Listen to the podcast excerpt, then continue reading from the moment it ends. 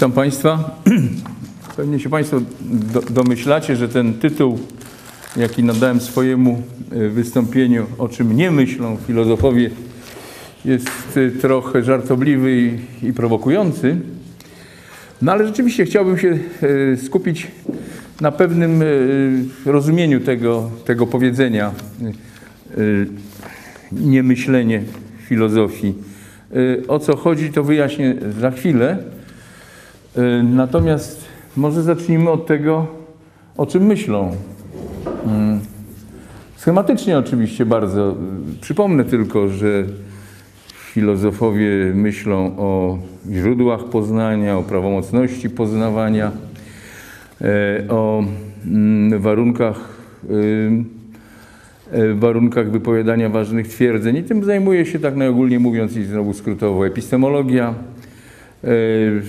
mówią o, o różnych sposobach rozumowania, tym zajmuje się teoria rozumowań, czyli logika, semantyka, też w jakimś sensie teoria języka.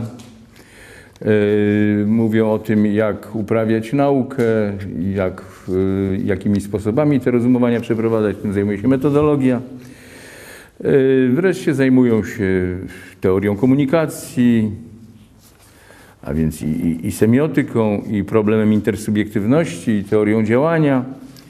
Zajmują się też y, warunkami istnienia przedmiotów poznania, zajmują się sposobami ich istnienia, modalnościami, tym zajmuje się znowu ontologia.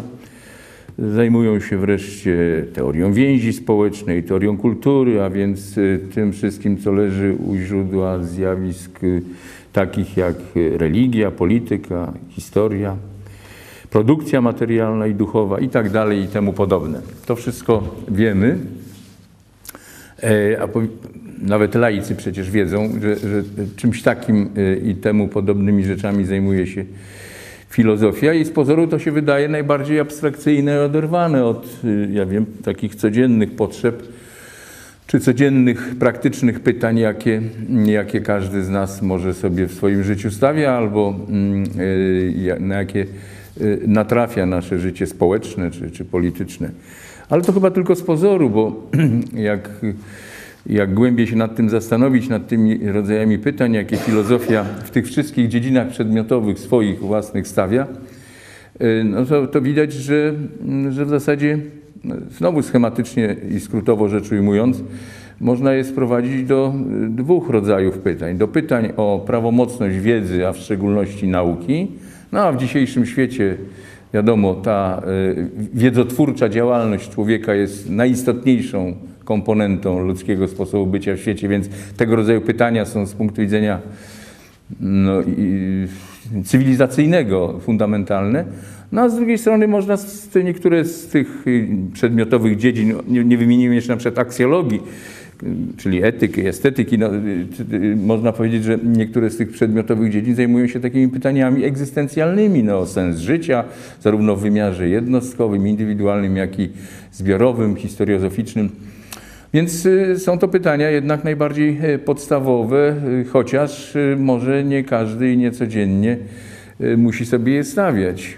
W tym sensie filozofia, uprawianie filozofii no nie jest jakąś dziedziną nie jest jakąś dziedziną oderwaną od życia.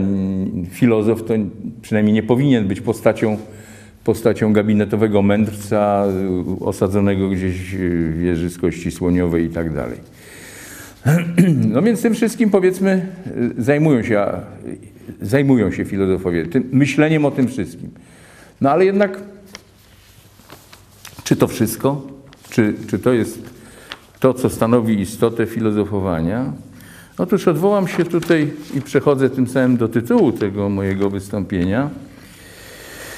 Do, przede wszystkim na przykład do takiej myśli Heideggera, którą zacytuję.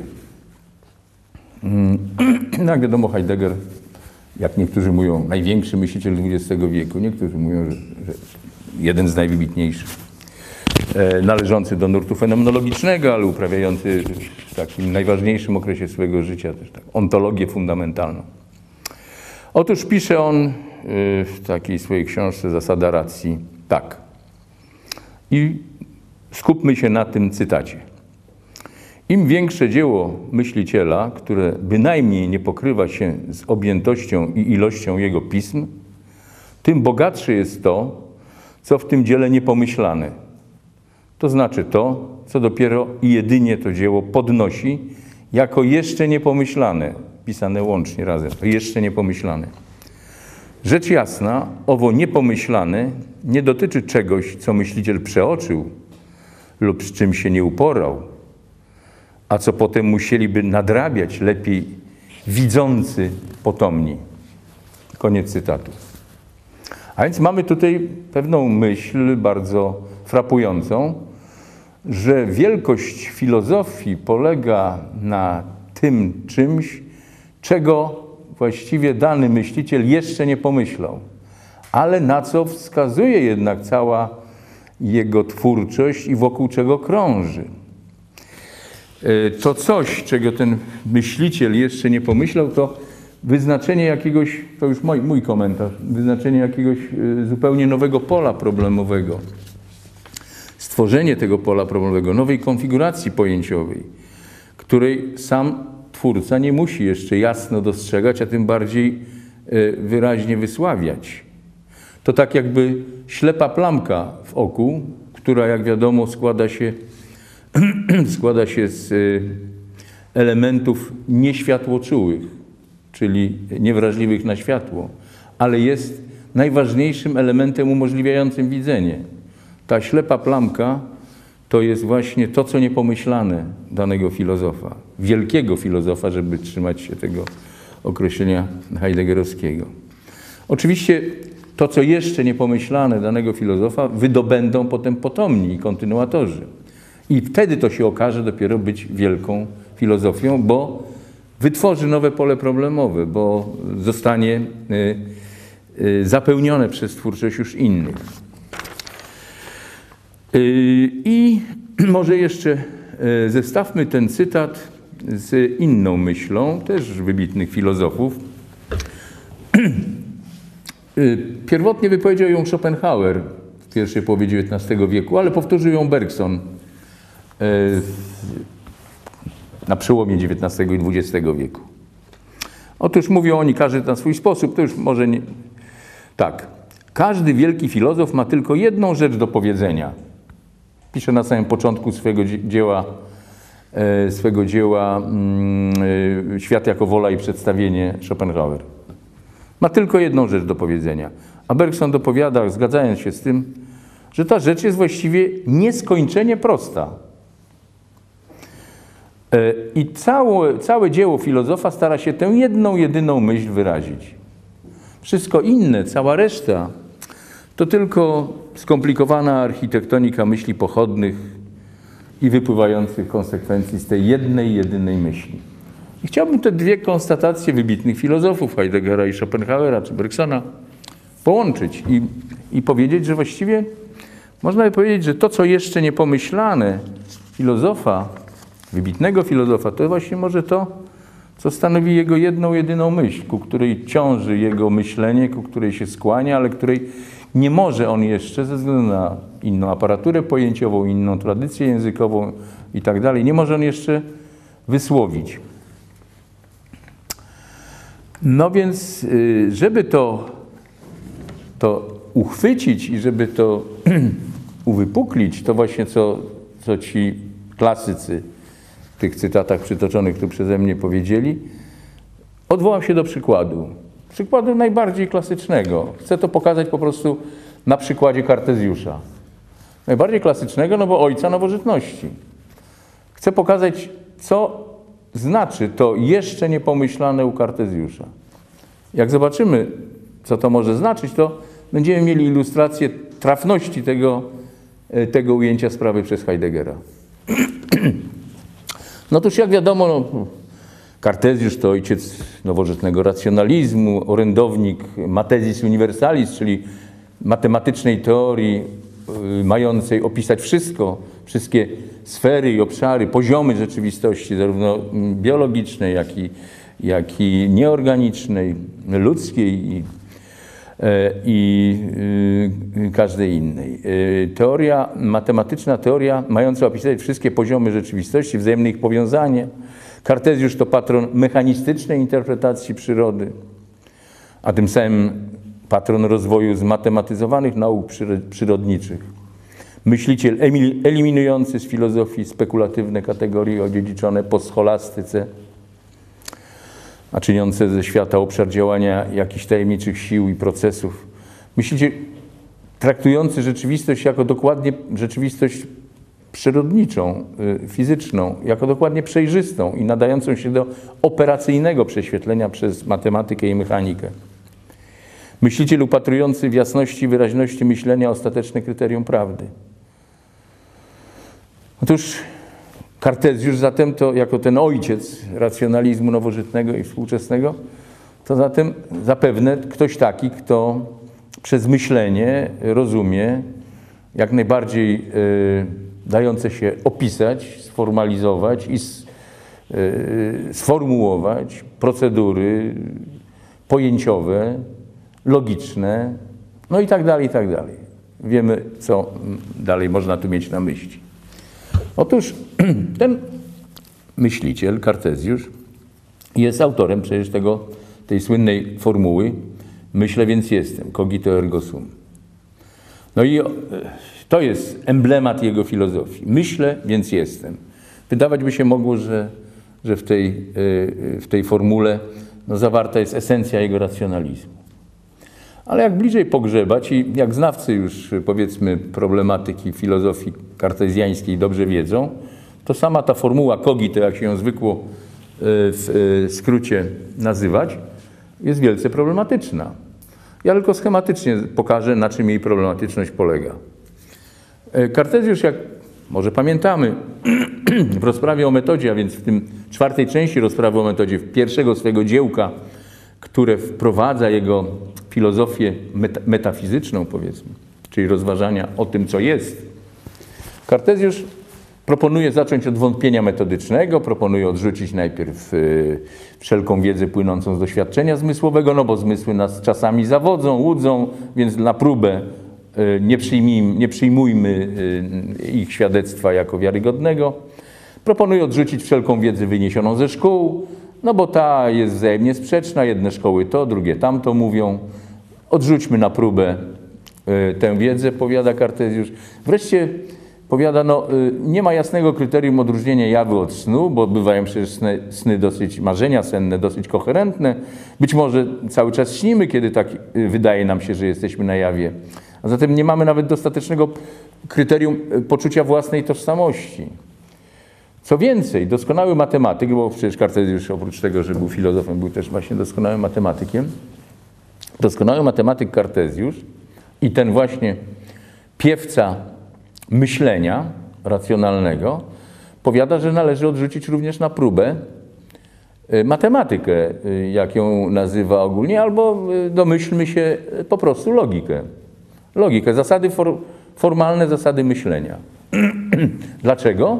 No i tu w rozprawie czytelnika rozprawy spotyka niespodzianka, bo właściwie powody, dla których Kartezjusz proponuje odrzucić na razie źródło matematyki, źródło samych formalnych rozumowań jako, jako ewentualne źródło wiedzy pewnej, niepodważalnej, Kartezjusz powiada tak dosyć nonszalancko.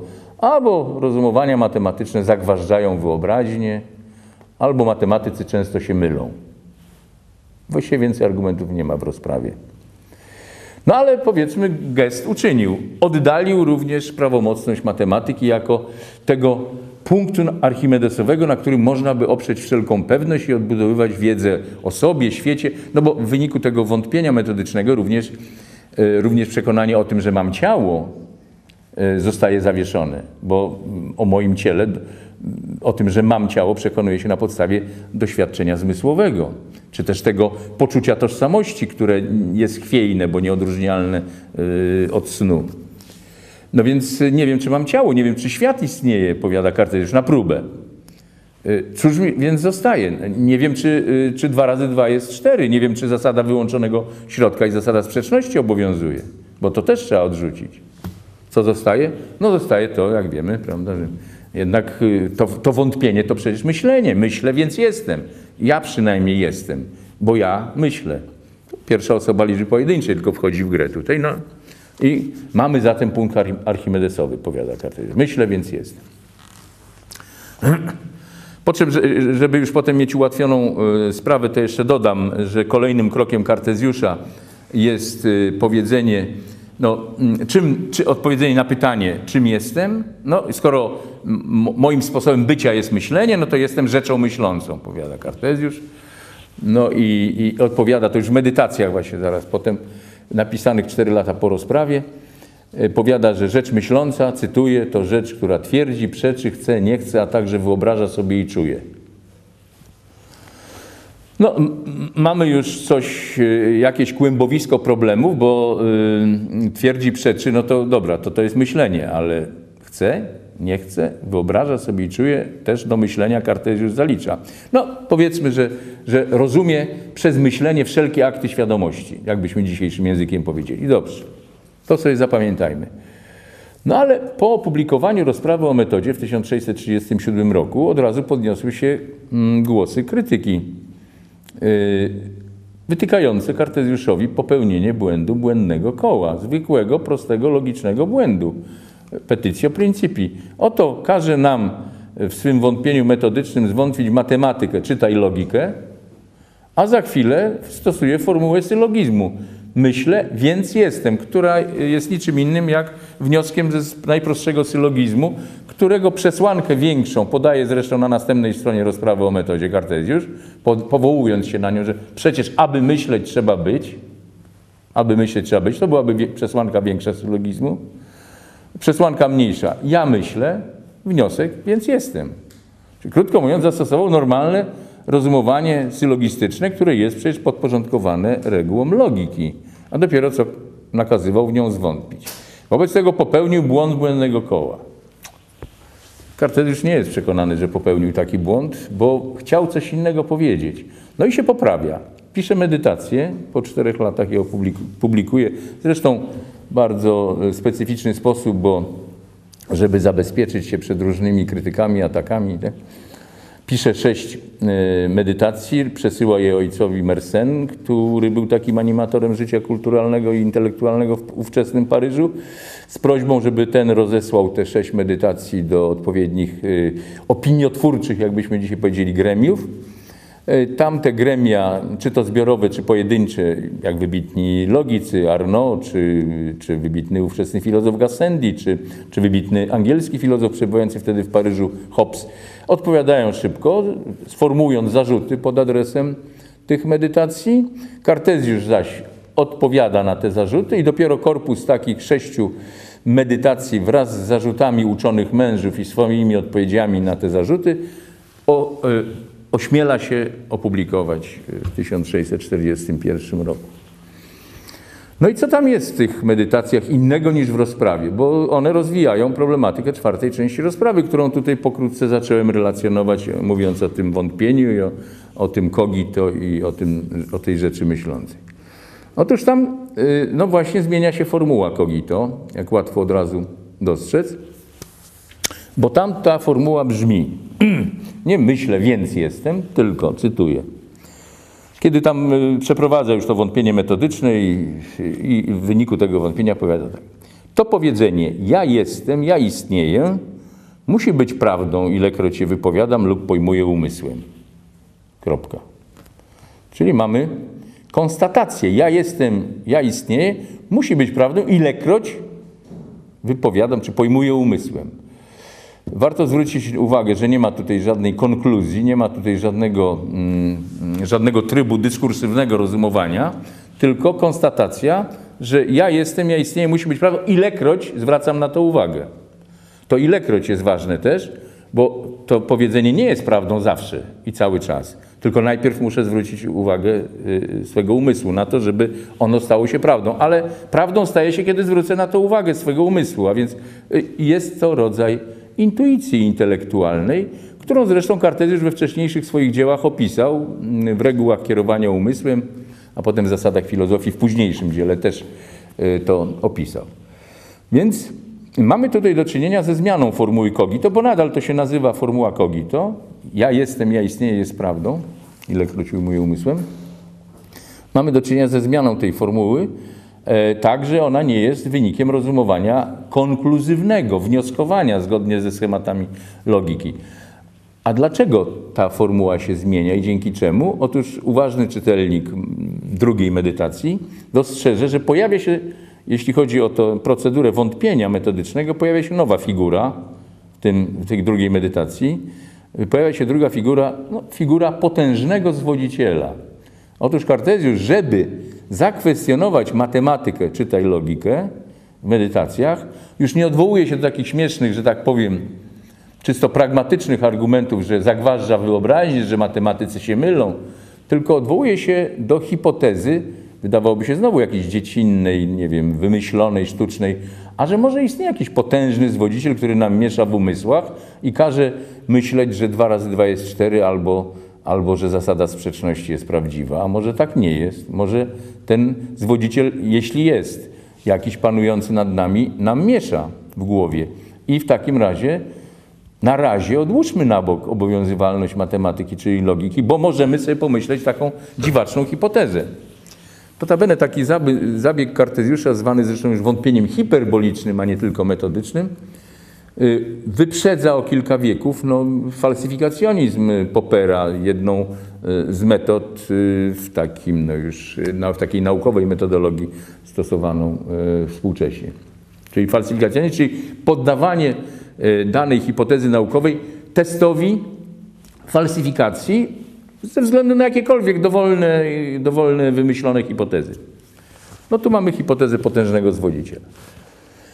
A zatem matematyka może nie obowiązywać, e, bo być może istnieje jakiś potężny zwodziciel, który nam miesza, matematyka, czyli logika, miesza w. No i teraz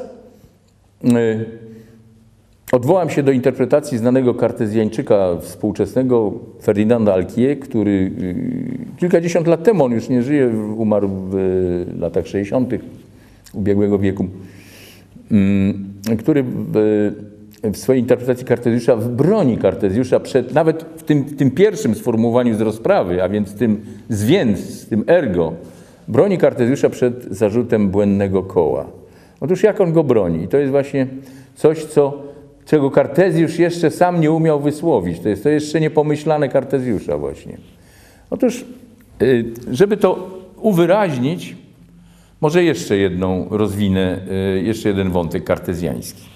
Tym wątkiem jest, y, jest dowód, tak zwany dowód psychologiczny na istnienie Boga, Kartezjusza.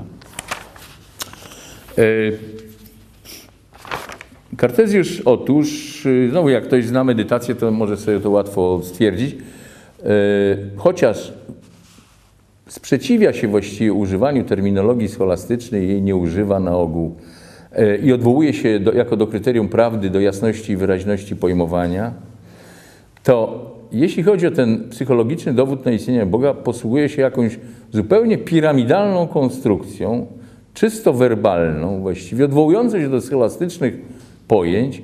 Ten dowód jest kilkanaście stron zajmuje, niezwykle trudnego dla, czyte, dla czytelnika tekstu, dla czytelnika nieprzyzwyczajonego do, do tej terminologii scholastycznej. E, no i schematycznie to wygląda w ten sposób, że Kartezjusz bada, jakie idee wypełniają moją rzecz myślącą, no bo jestem rzeczą myślącą, prawda? Już wiemy. Y, I, I, bada teraz, co za ideę, co za treści ta rzecz myśląca w sobie może zawierać.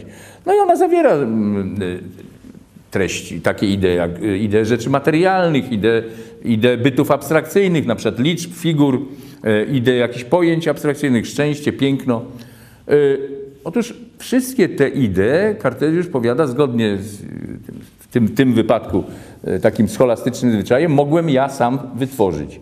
Mogę ja być ich twórcą w swoim własnym umyśle, ponieważ doskonałość mm, istnienia, jaka przysługuje mnie, istocie skończonej, bo Kartezjusz przy, przyznaje, że człowiek jest istotą skończoną, a więc ja jestem istotą skończoną, ale ta, ten stopień doskonałości, który przysługuje mnie, wystarcza do tego, żeby wytworzyć takie idee jak, jak wyobrażenie rzeczy materialnej, e, pojęcie trójkąta, bądź e, pojęcie sprawiedliwości, dajmy na to, czy miłości, czy piękna.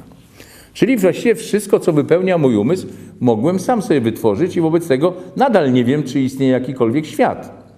Ale jest jedna idea, powiada Kartezjusz, która, której nie mogłem stworzyć. To idea nieskończoności.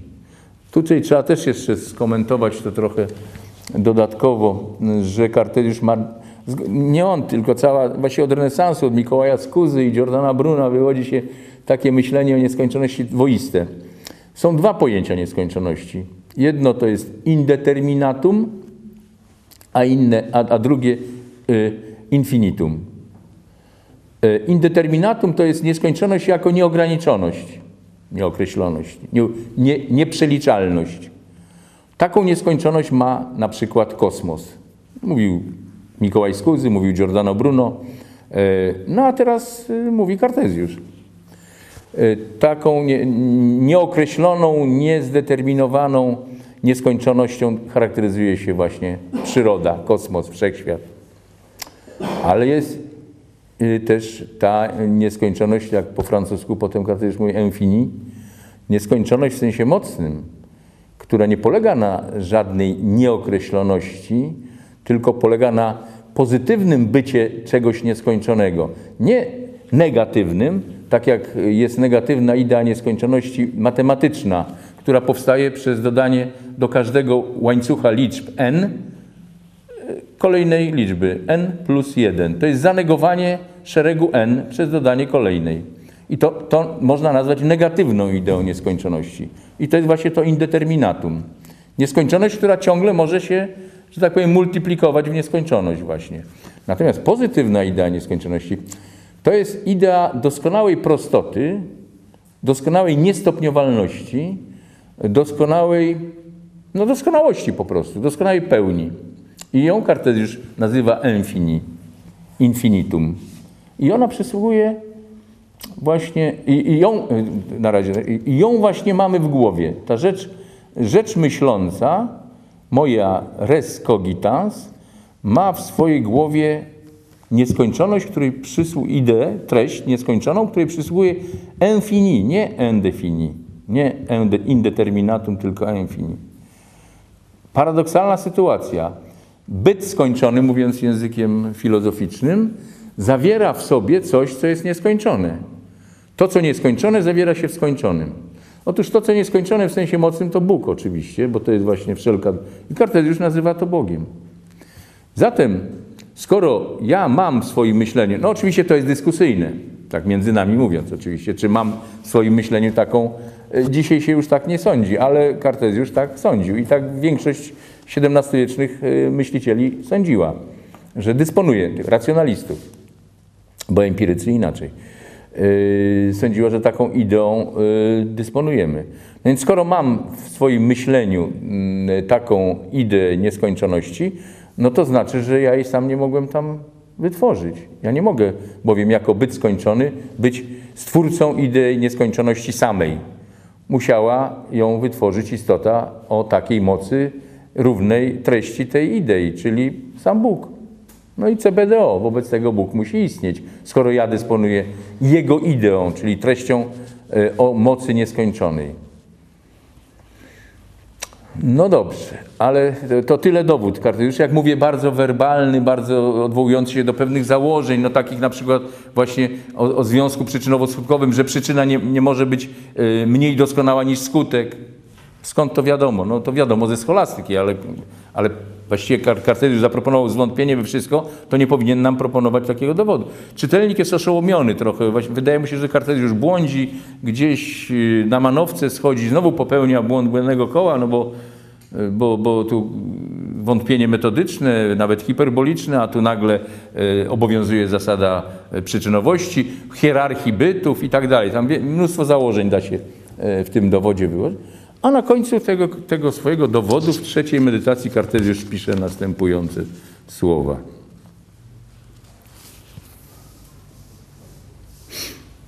Zaraz yy, znajdę to. O, tutaj.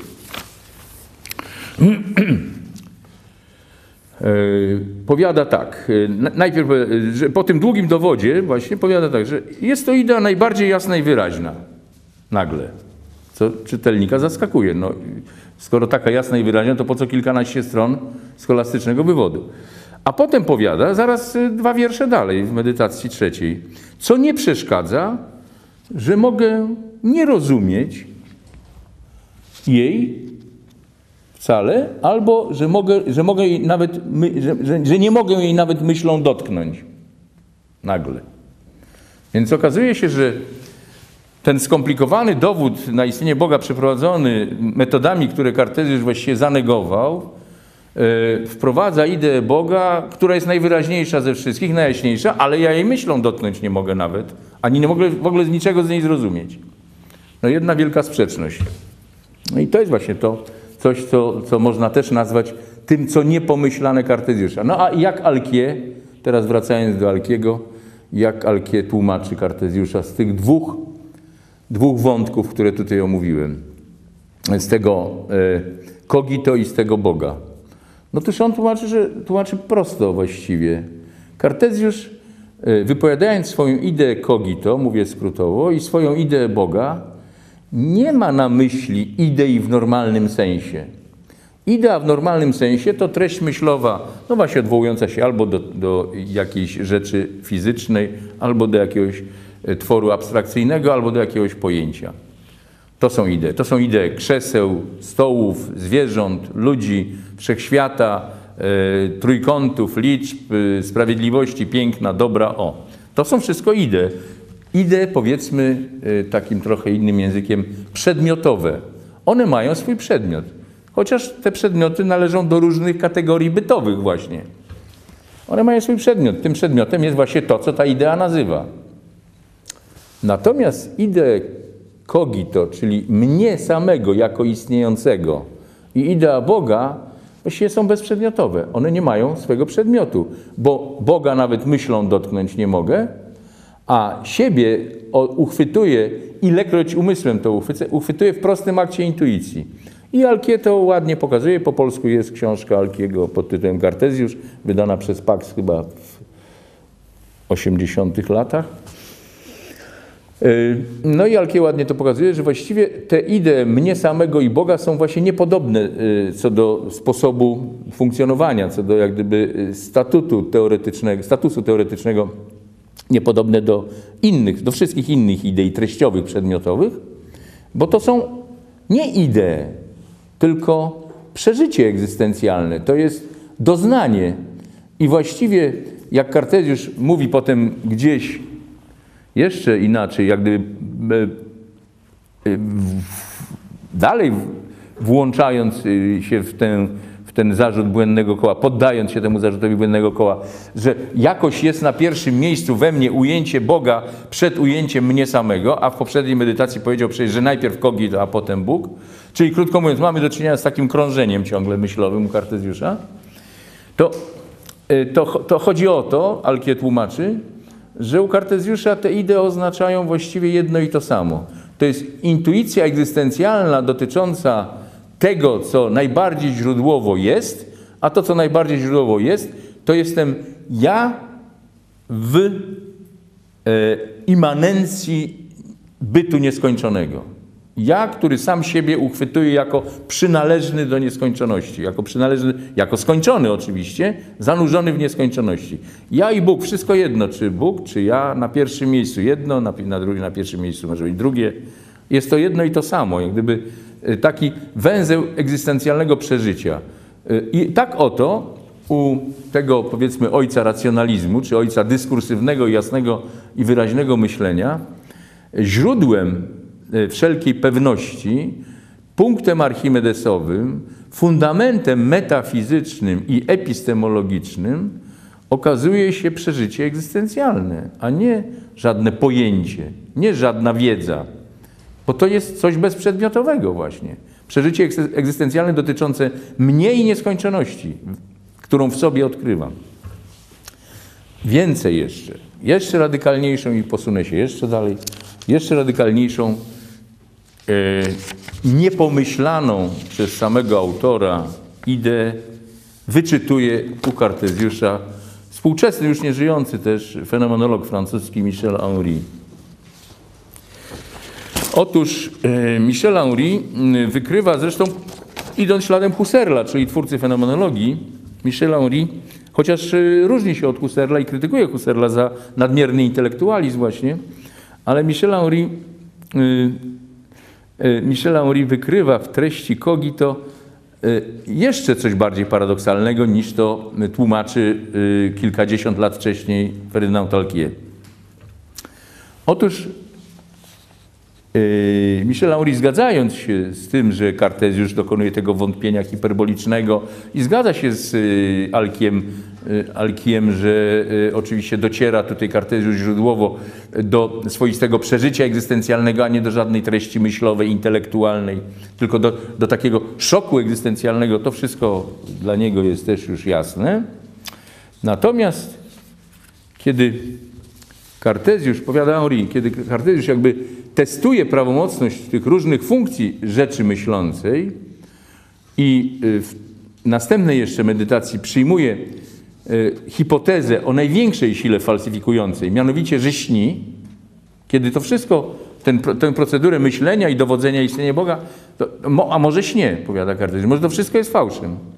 I Michel Henry przytacza słowa samego Kartezjusza, które wobec tej hipotezy, że przecież nie, wszystko to, co sobie pomyślałem dotąd, może jest fałszem. Może nawet y, tego Kartezjusz wprost nie mówi, ale może tak dodajmy trochę na wyrost, że może nawet to, to moje ja i, i, to, to, moje ego, kogito i, i ten Bóg też może jest fałszem, do którego odkrycia już doszedłem. Kartezjusz pisze tak, ale to przecież ten sam ja jestem, który sobie wyobraża. Bo może wprawdzie, jak to założyłem, żadna zgoła rzecz wyobrażona nie jest prawdziwa, ale sama zdolność wyobrażania rzeczywiście istnieje i stanowi część mojego myślenia. W końcu to ten sam ja jestem, który czuję, czyli który rzeczy cielesne jakby za pomocą zmysłów spostrzegam. Widzę wszak oczywiście światło, słyszę hałas, czuję ciepło. Ależ to wszystko jest fałszem, jak przed chwilą prawda, założyłem. Przecież śpię. Jednakże na pewno wydaje mi się przynajmniej, że widzę, że słyszę, że czuję ciepło. To nie może być fałszem. To jest właśnie tym, co się we mnie czuciem nazywa. To zaś czucie, tak właśnie rozumiane, nie jest niczym innym jak myśleniem. No to mamy ciekawą konstatację. Kartezjusz, ojciec racjonalizmu, myśleniem nazywa czucie. Wydawanie się, Henri ten wątek ciągnie i mówi semblance po francusku. Naj, najpewniejszą ostoją wszelkiej pewności jest wydawanie się. To, co mi się wydaje, jest fundamentem. To, że mi, nie, to przepraszam, się przejęzyczyłem, nie to, co mi się wydaje, tylko to, że mi się wydaje, jest fundamentem wszystkiego, wszelkiej możliwej pewności. I to czucie, to wydawanie się e, jest prawdziwym fundamentem, właśnie prawdziwym początkiem filozofowania. A ponieważ w oryginalnej, ja jeszcze tutaj dopowiem, w oryginalnej łacińskiej formie, yy, bo medytacje zostały napisane po łacinie przez Kartezjusza, ten kluczowy fragment powyższego rozumowania Kartezjusza brzmi ad certe videre videor audire calescere, więc Henry za ostateczne sformułowanie kogi to przyjmuje formułę videre videor. Wydaje mi się, że widzę. Videre videor. I to jest, to jest największa ostoja pewności u Kartezjusza. I jeszcze na dodatek trzeba przyznać, że Henri skrupulatnie wyłapuje w innych dziełach Kartezjusza takie miejsca, których to się potwierdza. Może przytoczę je. W zasadach filozofii, dziełku, które Kartezjusz kilka lat po medytacjach opublikował, czytamy cytat z Kartezjusza. Przez nazwę myślenie rozumiem to wszystko, co w nas zachodzi, gdy jesteśmy świadomi, o ile jest w nas właśnie świadomość tych rzeczy. Tak więc nie tylko rozumienie, chcenie, wyobrażanie sobie, ale także i czucie jest tutaj tym samym, co myślenie. Bo gdy mówię, ja widzę albo ja chodzę, więc jestem, a mówiąc tak mam na myśli widzenie lub chodzenie wykonywane przez ciało, wniosek mój nie jest bezwzględnie pewny, ponieważ jak to często dzieje się we śnie, Mogę sądzić, że widzę lub chodzę, choć nie otwieram oczu i nie ruszam się z miejsca. A mogłoby być tak samo bodaj, choćbym nie miał wcale ciała. Lecz jeśli mam na myśli samoczucie, czy świadomość widzenia lub chodzenia, wtedy wniosek jest całkowicie pewny, ponieważ to dotyczy umysłu, który sam tylko czuje, czyli myśli, że widzi lub że chodzi. A więc potwierdza Kartezjusz to, co wykrył Henri w medytacjach, a w innym e, dziełku, Namiętności duszy, już ostatnim, które Kartezjusz za życie opublikował, w artykule 26 tego dziełka, po krótkiej analizie spostrzeżeń odnoszących się zarówno do przedmiotów zewnętrznych, jak i do różnych stanów naszego ciała, które mogą mylić te spostrzeżenia, Kartezjusz pisze, cytuję, tego rodzaju pomyłka, co do tych spostrzeżeń, nie jest możliwa jednak w odniesieniu do uczuć. Zwłaszcza, że są one tak bliskie naszej duszy i tak wewnętrzne, iż może je ona czuć jedynie takimi, jakimi są one rzeczywiście. Często też we śnie, a niekiedy nawet na jawie, wyobrażamy sobie tak silnie pewne rzeczy, iż uważamy, że je widzimy przed sobą lub czujemy w naszym ciele, chociaż nie ma ich tam wcale. Ale śniąc nawet i marząc, nie możemy w swoich marzeniach czuć się smutni lub wzruszeni jakimś uczuciem, jeśli istotnie dusza nie ma w sobie tego uczucia. Czyli uczucia nie kłamią, tylko uczucia są autentyczne. Tyle Kartezjusz. No i Henri na tym buduje, już nie będę teraz wchodził w Henriego, bo to jest bardzo skomplikowana filozofia, ale buduje całą swoją y, własną wykładnię fenomenologii i pokazuje, że Kartezjusz docierając w tym akcie wątpienia hiperbolicznego do tego, co, co jest właśnie tym wydawaniem się, czyli czuciem samego siebie, czuciem pewności samego siebie, że Kartezjusz jest właściwie fundatorem fenomenologii, czyli e, nurtu dwudziestowiecznej filozofii, która poszukuje takiej absolutnie pewnej, absolutnie pewnego niekwestionowanego fundamentu, od którego można wyjść zarówno w rozważaniach dotyczących tego, co jest, jak i w rozważaniach dotyczących tego, co można poznać. Dobrze.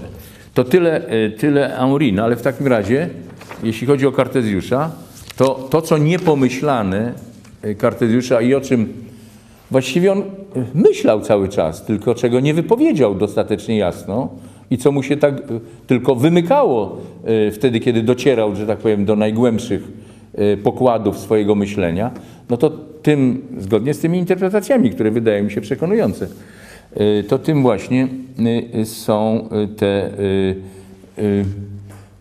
te stany, które można nazwać czuciem, czy też raczej doznawaniem samego siebie.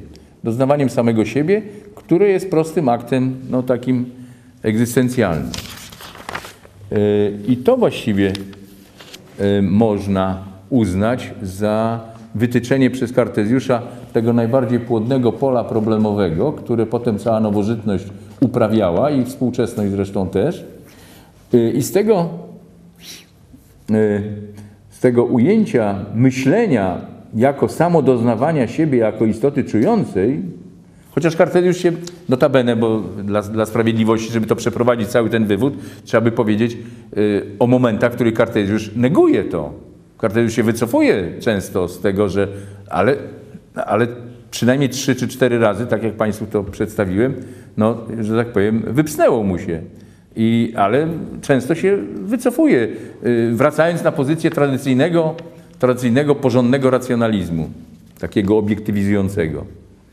Ale w każdym razie wytyczenie przez Kartezjusza tego pola nowego pozwoliło na, w konsekwencji yy, filozofii nowożytnej i współczesnej na rozdział metafizyki i nauki. Bóg i doznanie egzystencjalne należą do metafizyki. To co jest w sensie najbardziej fundamentalnym, to metafizyka. Nauka to, to wszystko to, czego dotyczą prawdziwe idee, przedmiotowe właśnie, a nie przeżycia. I nauka wobec tego może być operacyjna, pragmatyczna, naturalistyczna, a metafizyka, broń Boże, metafizyka musi być antynaturalistyczna, nie wypływać z żadnej, żadnego poznania przyrody ani, ani ciała. Yy, Dalej, to co wypływa z tego pola nowego wytyczonego przez Kartezjusza, to uniwersalność wiedzy ugruntowana w konkretnej subiektywności, tu i teraz, podmiotowości jednostkowej, indywidualnej.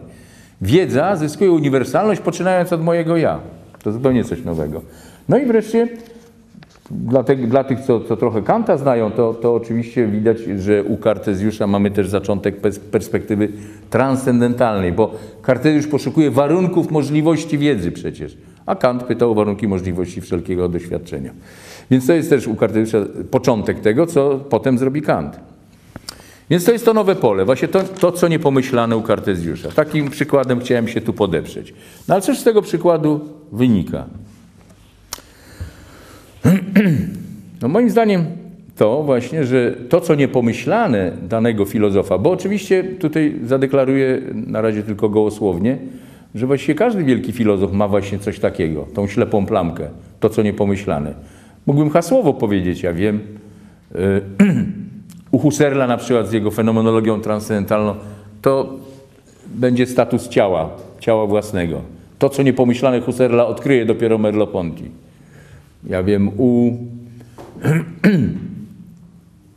u Leibnica, dajmy na to, tym, co niepomyślane, do końca będzie konsekwencja wypływająca z, z takiej konstatacji, który, od której Leibniz wychodzi, może ona będzie tutaj nie całkiem zrozumiała, że istnieją zdania analityczne, zdania y, mm, analitycznie skończone i analitycznie nieskończone. Y, Bo Leibniz wychodzi od, od pewnego rozważania logicznego w, w tworzeniu swojej metafizyki, no i powiada właściwie, że, że wszystkie zdania są, wszystkie zdania opisujące stany świata są analityczne. Tylko jedne są skończone, a drugie nieskończone. I ty, tymi nieskończonymi to dysponuje tylko Bóg, wobec tego my do nich nie mamy dostępu. Ale a z tego wynika, jeżeli cały świat da się opisać w zdaniach analitycznych, no to, to z tego będą wynikały wszystkie konsekwencje właśnie metafizyki leibnicjańskiej. No ale to mniejsza z tym, no, bo to trzeba by wchodzić znowu w skomplikowaną problematykę. No ale w każdym razie u każdego wielkiego filozofa moim zdaniem da się wykryć to, co niepomyślane i co dopiero wytwarza nową problematykę.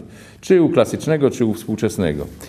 Yy, I wobec tego to, co niepomyślane, to właśnie wytyczenie nowego obszaru. To absolutne nowum filozofii. I dlatego to się nazywa y, tą wielką filozofią. I właśnie to jest ta jedna, jedyna myśl, o której ten dany filozof, wielki załóżmy, y, wielki po y, owocach, jakie jego system wytwarza w historii myśli, y, to właśnie y, y, wielkość y, jego jednej myśli, która w jego autorskim wydaniu nie została dostatecznie jasno sformułowana. Tylko właśnie tak się jakoś wymykała niechcący y, na światło dzienne, ale, ale była na tyle znacząca, że ją inni podjęli. Y, No i cóż, no takim, y, takim y, stanem umysłu, w którym można jakoś krążyć wokół tego, co jeszcze niepomyślane, no dysponują tylko, cóż, no dysponują tylko wielcy filozofowie, no geniusze. No i otóż, żeby tak się zastanowić nad, nad tymi warunkami ge- geniuszy, to może jeszcze, jeszcze jedna konstatacja. Schopenhauer, już przy, przywołany, powiada tak. Kamień, w tym e, swoim dziele Świat jako wola i przedstawienie. Kamień węgielny filozofii na niczym się nie opiera. Czyli filozofia musi go wytworzyć sama. Oznacza to, że fundament projektu filozoficznego nie może być uzasadniony z zewnątrz, spoza tego projektu. I albo się sam uzasadnia, czyli mamy do czynienia z jakimś samouzasadnieniem, Schopenhauer to w swojej filozofii pokazuje, albo odwołuje się do czego, czegoś, czego nie sposób pojąć, co jest niepojmowalne. No tu brniemy w jakąś mistykę, ale często filozofia tak brnie. Otóż kończąc, chcę powołać się na Fichtego z kolei, też wybitnego filozofa z zupełnie innej tradycji, no, pokantowskiej, który jeszcze to wyraźniej powiedział niż Schopenhauer po nim. Otóż Fichte, y, budując swoją teorię wiedzy, y, poszukuje tak zwanej zasady naczelnej tej teorii wiedzy. No i w tych swoich y, pismach, które noszą zbiorczy tytuł Teoria wiedzy, Fichte powiada, że ta zasada naczelna teorii wiedzy musi być pewna przed rozwinięciem się całej teorii.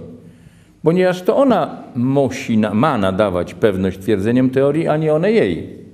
Wobec tego najpierw trzeba znaleźć zasadę naczelną, a potem rozwijać teorię.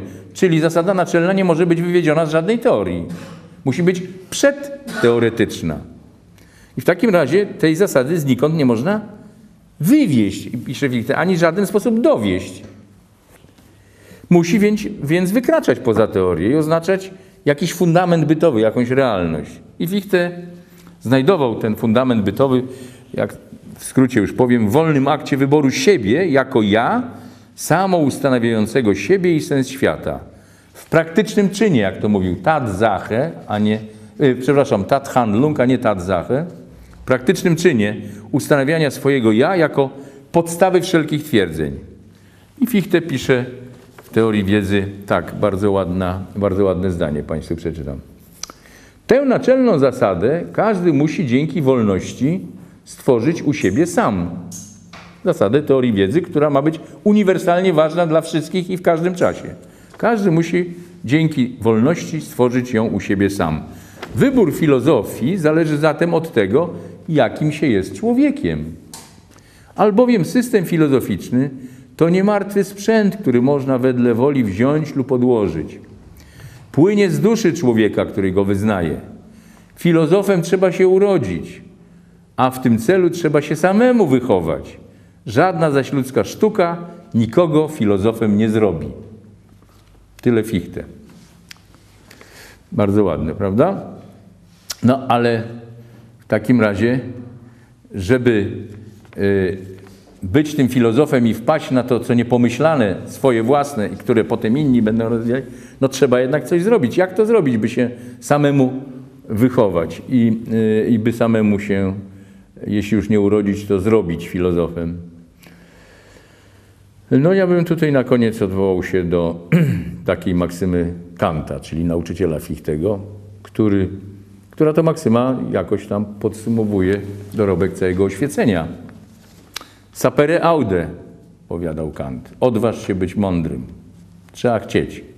Odważyć się i zrobić pierwszy krok, a za nim pójdą dalsze. Oczywiście już niepomyślane.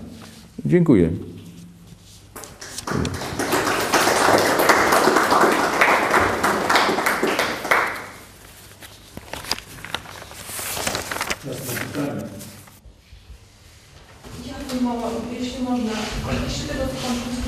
O, e, e, Kartezjuszu, ja bym chciała spytać o Pascala.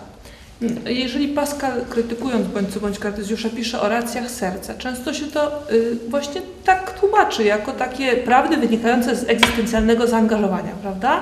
To jest, y, znaczy, czy oni ostatecznie według tej interpretacji mówiliby o tym samym, mniej więcej o tym samym?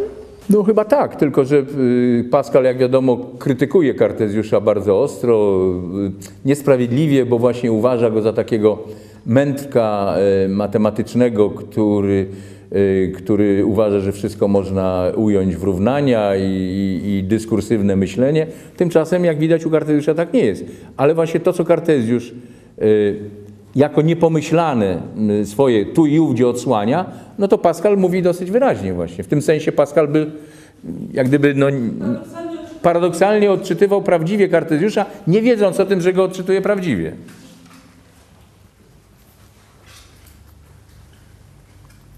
Nie było między nimi zatem takiej wielkiej przepaści, jakby, jak sądził Pascal, że była. To znaczy, że filozofowanie jest należy do gatunku przygód barona Michauzena. To jest to Tak, tak, no tak. No, to, to fi, u Fichtego to jest ja- jasne, że tak, to baron Minhausen to prawdziwy filozof. Czy ktoś ma jakieś pytania?